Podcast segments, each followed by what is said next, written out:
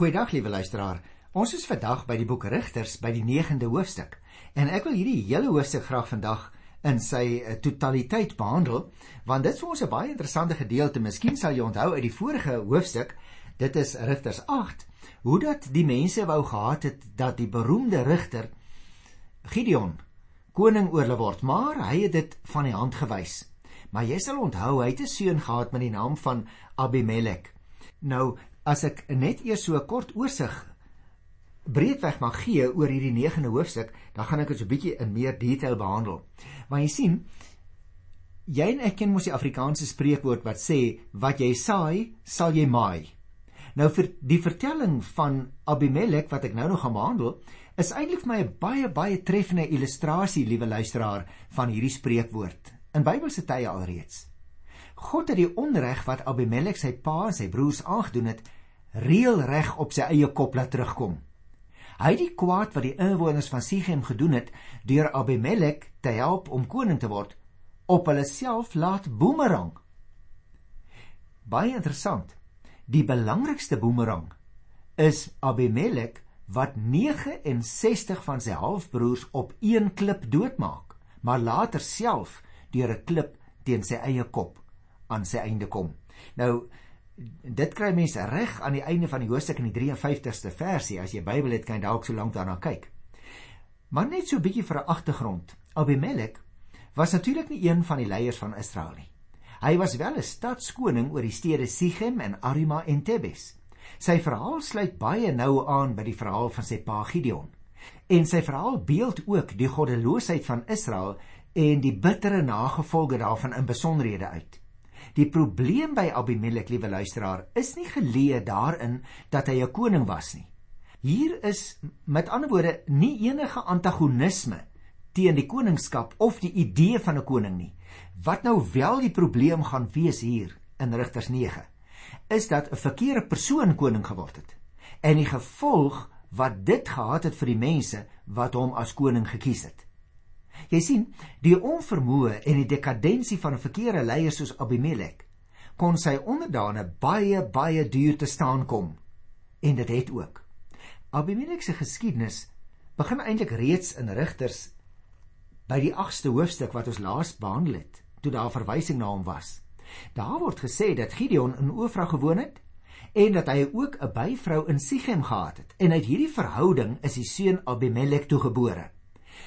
Die 9de hoofstuk wat ek vandag behandel, gaan dan oor die geskiedenis van hierdie seun van die rigter Gideon, naamlik die seun met die naam van Abimelek. Nou, kom ons lees die eerste 6 verse en dan gesels ek so 'n bietjie daaroor. Abimelek, die seun van Jerubbaal, jy onthou nog, Jerubbaal is ook die ander naam vir Gideon, hè?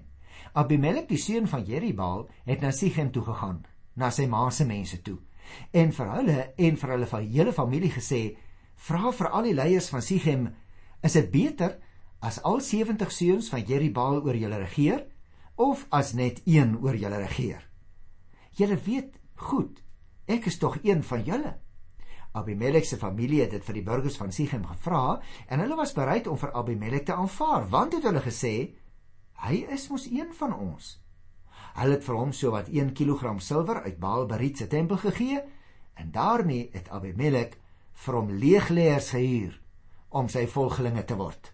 Nou ek wil eers daar ophou lees want jy sal dadelik besef hier het ons nou al klaar moeilikheid nê. Abimelek wat in Aruma gewoon het, en so leer mense vers 41, het na Sichem toe gegaan want dit was 'n Kanaanitiese stad. En dit was ook buite Bybels aan ons baie bekend uit buite Bybelse gegevens. Abimelek was die seun, onthou jy nou, van Gideon.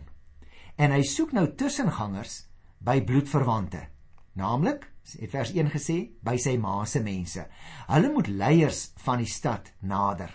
En hier kry ons dus te maak, liewe luisteraars, met wat sal ek dit noem, die besittersklas wat ook 'n sekere seggenskap gehad het en Nou kry hulle so 'n bietjie aandag. Abimelek gee naamlik voor dat die 70 seuns van Jerubbaal reeds heersersdrange geopenbaar het en dat 'n naby familielid as koning vir hulle meer aanvaarbaar behoort te wees. Met ander woorde, hy speel so 'n bietjie op hulle gevoel. En nou het ons gelees die burgers van Sichem word baie maklik daardeur oortuig en hulle gee vir Abimelek silwer uit hulle afgodstempel van Baal Berit, die Baal verbond, soos wat dit letterlik beteken. Nou dit is na hakie stempelskatte is destyds baie kere vir politieke doeleindes gebruik. Mense kry in 1 Konings 15 vers 18 ook so 'n voorbeeld. Maar nou wat hier vir my baie erg is, leegleers word nou gehuur om Abimelek se volgelinge te word en sy moordplanne uit te voer. Ek kry amper die indruk dat dit ook baie keer in ons tyd in die wêreld so is dat mense aangery word met busse om te gaan stem. Met ander woorde, hulle weet nie eers regtig waaroor dit gaan nie, maar hulle word in 'n sekere sin omgekoop. Nou sê die 5de vers: Abimelek is toe in sy pa se huis toe in Ofra en daar het hy sy broers, die 70 seuns van Jeribaal, almal op een klip doodgemaak. Net Jotam, die jongste seun van Jeribaal, het oorgebly want hy het weggekruip. Is dit nie verskriklik nie, liewe luisteraar? Nogal in sy pa se huis daar in die dorpie Ofra vermoor Abimelek nou sy 70 broers wat wel seuns van sy pa was maar nie van dieselfde ma nie. Die moord lees ons is op een klip gepleeg. Nou dit moet seker 'n baie besondere klip gewees het moontlik 'n offerplek met 'n voetjie waarin bloed maklik kon wegvloei. Net een seun met die naam Jotam het ontsnap Ons gaan hom nog weer later in die geskiedenis teekom. Maar nou lees ons van die burgers. Toe het al die burgers vers 6, toe het al die burgers van Sichem en al die mense van Milo bymekaar gekom en vir Abimelek gaan koning maak by die groot boom langs die klippilaar van Sichem. Jy sien die burgers van Sichem en die mense van Milo het nou bymekaar gekom en hierdie leierskorps van die stad en van Milo, dit is 'n woongebied wat op 'n terras gebou was. Uh, hulle kom nou almal bymekaar en Abimelek se koningskap kan nou verbind word met die van die Kanaanitiese koningskap van daardie tyd. Sy heerskappy was natuurlik beperk tot 'n stad of soms 'n paar stede, soos dit gebruik was in daardie tyd. En die boom waarvan ons hier lees, is waarskynlik simbool van die afgode en dit het destyds by baie heiligdomme voorgekom. So as 'n mens nou hierdie stukkie geskiedenis lees, dan besef jy dadelik Ons het hier eintlik 'n baie baie vreemde verhaal nodig van 'n man wat sy broers en sommige van hulle is halfbroers want hulle is nie almal uit dieselfde ma gebore nie, begin vermoor. Kom ek vertel die verhaal in eie woorde vir jou sodat ons net presies weet waaroor dit nou hier gaan. Jy sien, na Gideon se dood was dit 'n vraag wie in sy plek sou oorneem by hom. Hy het 70 seuns gehad van wie ons net gelees het, wat hom natuurlik nou elkeen van hulle kon hom opvolg. Abimelek het nou egter in die verse wat ek gelees het daarin geslaag om die steun van die inwoners van Sichem te werf. Al is hy Gideon se seun by 'n slavin. Boonop word hy deur die inwoners van Sichem geborg om sy broers uit te skakel deur hulle te laat vermoor. En hierdeur, liewe luisteraar, onteer die Segemiete natuurlik die nagedagtenis van Gideon wat so baie vir hulle gedoen het. Juist deur hulle te bevry van die Midianiete. Ten spyte van alles wat Gideon vir hulle beteken het, laat hulle nou met hulle geld sy familie uitmoor. Sulke onreg kan natuurlik nie sonder baie ernstige gevolge wees en ongesiens verbygaan nie. En nou was dit Jotam in die volgende gedeelte wat dit vir hulle aan die verstand sou probeer bring. En daarom kry ons nou hier nog 'n baie interessante gedeelte. Want hierdie seun van Gideon, die rigter, begin nou om vir die mense 'n storie te vertel.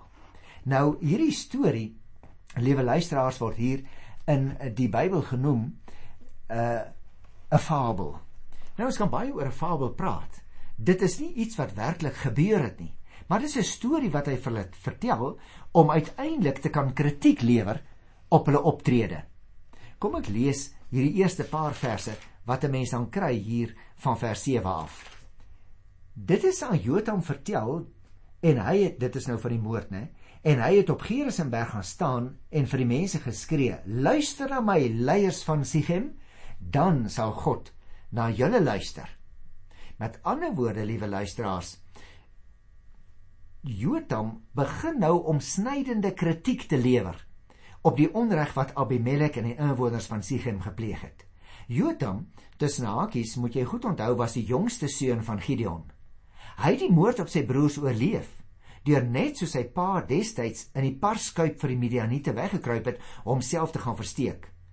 Hy hoor dat die inwoners van Sichem vir Abimelek koning gemaak het.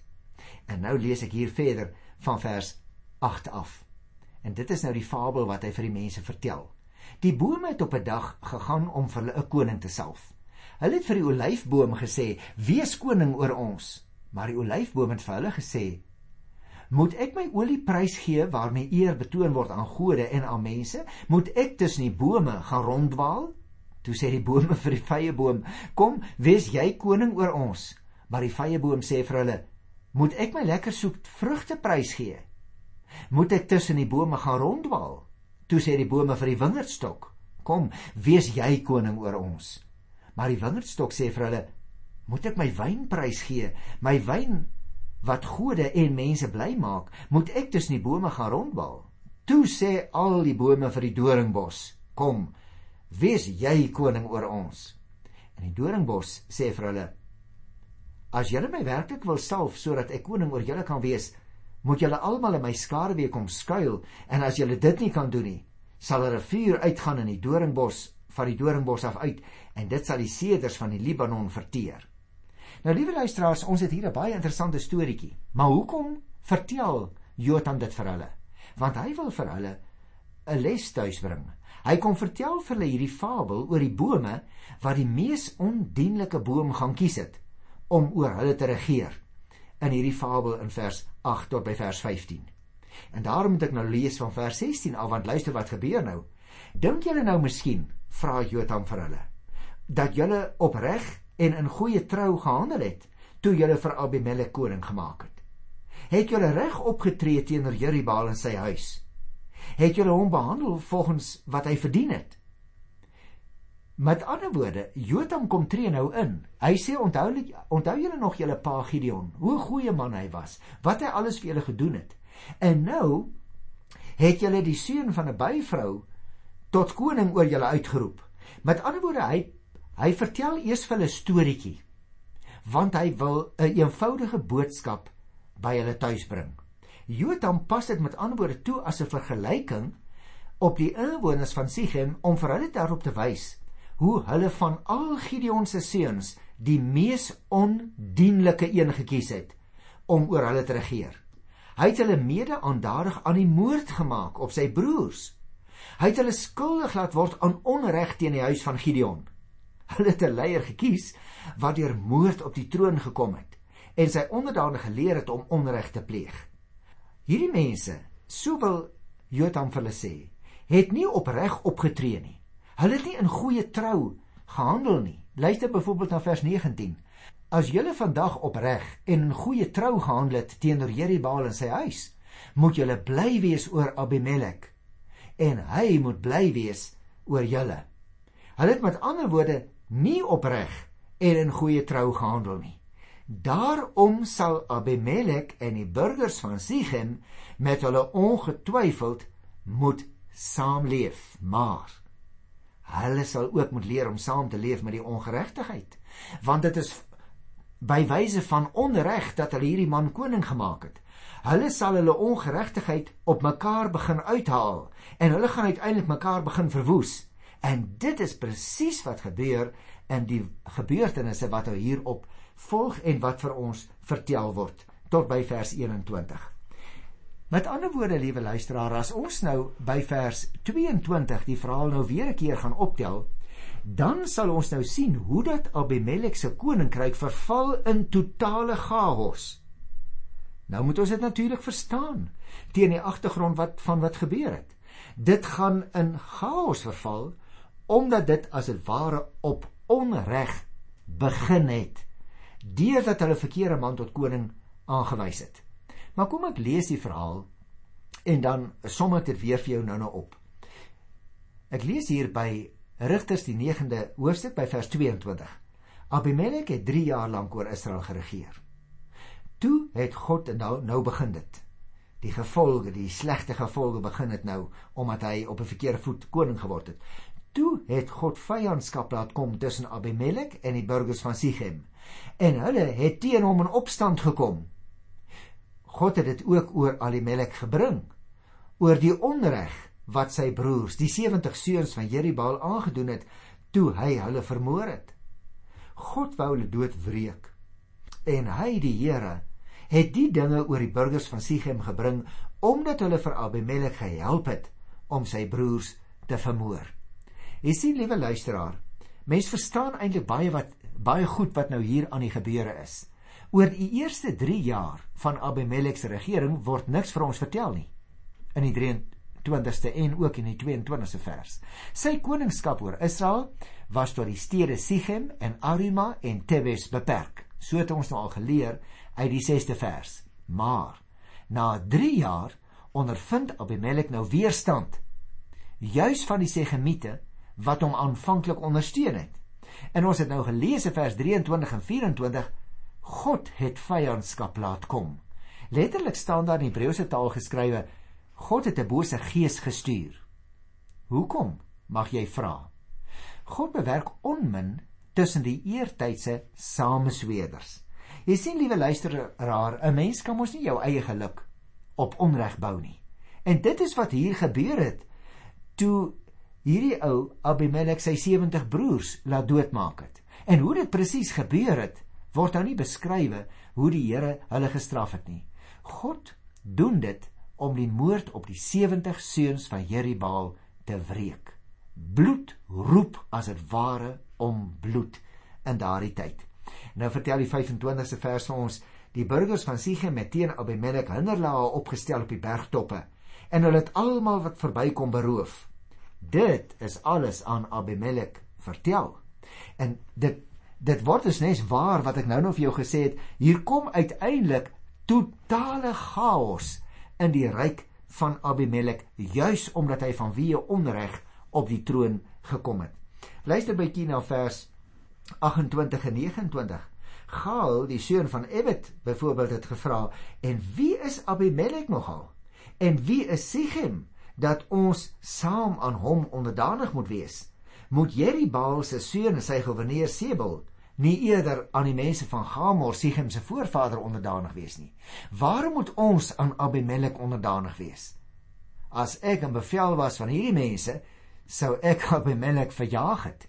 Jy sien liewe luisteraars, hierdie mense wat saamgebind was in 'n koalisie, begin ook nou sê, "Maar liewe aarde, ons wil nie aan Abimelek onderdanig wees nie." Ons sou liewer wou vry wees. Ons sal liewer teen hom in opstand kom as dit nodig is. En luister nou, wat lees ons hier van die 40ste vers af?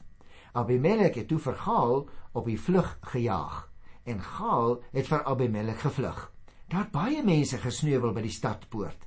Abimelek het in Aruma gewoon en Sebel het vir Gaal en sy mense verdryf en hulle kon nie in Sichem bly nie. Ek sou my hande in die lug wou gooi, liewe luisteraar, en sê Liewe aarde, wat is in die grondgebied van Israel aan die gang? Hulle pluk eintlik maar die vrug van hulle eie dade. Dit is waaroor dit gaan en dit is wat aan die gang is, liewe luisteraar. En daarom lees ons ook hier in die 40ste vers wat ek nou net gelees het, hierdie mense is uiteindelik verslaan en baie van die mense het gesneuwel by die stadspoort. Abimelek het die stad dus nie ingeneem nie maar hom in sy woonplek in Aruma teruggetrek. Aruma is nagies vir 'n plekjie ongeveer so 13 km suidoos van Sichem. Hierdie ou kan dus uiteindelik glad nie meer die land regeer nie. Hy probeer hier orde skep en dan druk hy daai ouens se opstand in 'n ander klein dorpie plat en dan gaan hy maar weer na die dorp toe terug waar hy eintlik woon. Maar die chaos is besig om al groter te word want hy bou mos eintlik op sand. Nou wil ek 'n interessante stukkie lees hier by vers 46. Toe al die burgers van Migdol Sechem hierdie dinge hoor, het hulle na die grafkelder in die tempel van Elberit gegaan. En aan Abimelek die koning is vertel dat al die burgers van Migdol Sechem daar by mekaar gekom het. En toe het hy met sy manne Salmonberg uitgeklim. Hy het 'n byl gevat, boomtak afgekap, het oor sy skouer getel. Toe sê hy vir sy manskappe: "Julle het gesien wat ek doen." doen julle dit ook so. Elkeen het toe van 'n tak gekap en hulle het vir Abimelek gevolg. Hulle het dit teen die graf grafkelder opgestapel met die mense daar binne en dit aan die brand gesteek. So het hulle al die burgers van Migdol Sechem doodgemaak, omtrent 1000 mans en vrouens. Jo, broers en susters, nou is die land letterlik omtrent aan die brand, né? Want Migdol Sechem of as dit vertaal word uit die Hebreëus die toring van Sichem is eintlik aan ons 'n onbekende versterkte gedeelte binne of buite die stad. Ons weet nie presies waarvan hulle hier praat nie. Die punt is, die burgers van die stadsgedeelte het die dood ontkom, sê vers 45, en nou vlug hulle na die grafkelder toe in 'n nabygeleë tempel. Dit kon miskien ook 'n kelder of 'n saal gewees het. Die woord wat uh, ons ook in 1 Samuel 13 vers 6 kry, uh word daar vertaal met 'n grot. Nietemin, die bedoeling was om veiligheid in die heiligdom te gaan kry. Elberit tussen hakies wat dieselfde as Baalberit. Met ander woorde, dit was 'n afgod wat gedien is. En Abimelek en sy burgers is toe na daai berg toe en nou het ons gelees hoe dat hulle daardie heiligdom aan die brand gesteek het in 'n poging om die opstand in die land te onderdruk maar dit sou uiteindelik niks help nie. Ek het vir jou gesê ek gaan die opstand weer 'n bietjie in eie woorde saamvat en daarom wil ek dit doen. Na 'n regeertyd van 3 jaar ontstaan daar nou onmin tussen Abimelek en sy onderdane. En die mense wat Baal beriet, bo die Here verkies het en ontrou aan God en dislojaal aan die huis van Gideon geword het. Hou nou nie hulle verbond met mekaar nie maar hulle verval in dislojaliteit teenoor mekaar en die konings en daarom vind daar as dit ware ek sou dit genoem het 'n burgeroorlog. En dan eindig die verhaal na al hierdie hartseer gebeure waaraan Abimelek direk verantwoordelikheid sou moes aanvaar. Eindig dit op 'n baie vernederende manier. Ek gaan net hier lees by vers 57. God het ook al die verkeerde dade van die mense van Sichem op hulle koppe laat neerkom. Die vloek wat Jotam, die seun van Jerubbaal oor hulle uitgespreek het, die vloek het hulle getref. Nou kom ek vertel julle die verhaal kortliks en dan sluit ons daarmee af. Jy sien, die man wat sy 69 halfbroers op een klip laat vermoor het. Ons het die vorige keer daaroor gepraat, hè, Abimelek. Kry nou self 'n klip teen die kop wanneer 'n vrou wat tydens die veldslag van Tebes bo op 'n toring in die middel van die stad geskuil het, 'n klip van bo af waar sy staan afgooi. Die Bybel sê dit was 'n maalklip wat gewoonlik gebruik is om die koring mee fyn te maal. En sy het dit daar bo uit 'n venster gegooi op Abimelek se kop. Hy het dieselfde skanne oorgekom nou as Sisera. Onthou jy nog wat ons daar in Hosea 4 behandel het? Uh deurdat 'n vrou wat nie eers 'n soldaat was nie, hom tydens die geveg doodmaak. En liewe luisteraar, net soos in die geskiedenis van Saul later, ons lees dit daar in 1 Samuel 31, wat daar ook 'n bose gees gekom het, so probeer hy die skande van sy nederlaag verdoesel deur van sy wapendraer gebruik te maak. Hy sê vir sy wapendraer: "Maak my asseblief dood. Ek wil liewer nie bekend staan as iemand wat gesterf het aan die hand van 'n vrou nie." die punt is, so sterf 'n man wat van die swaard geleef het, self ook deur die swaard. Liewe luisteraar, 'n volk wat sonder God wou lewe en in 'n verbond met 'n afgod gegaan het, tree uiteindelik in 'n verbond met moord en met bedrog. Hulle grawe hulle eie graf.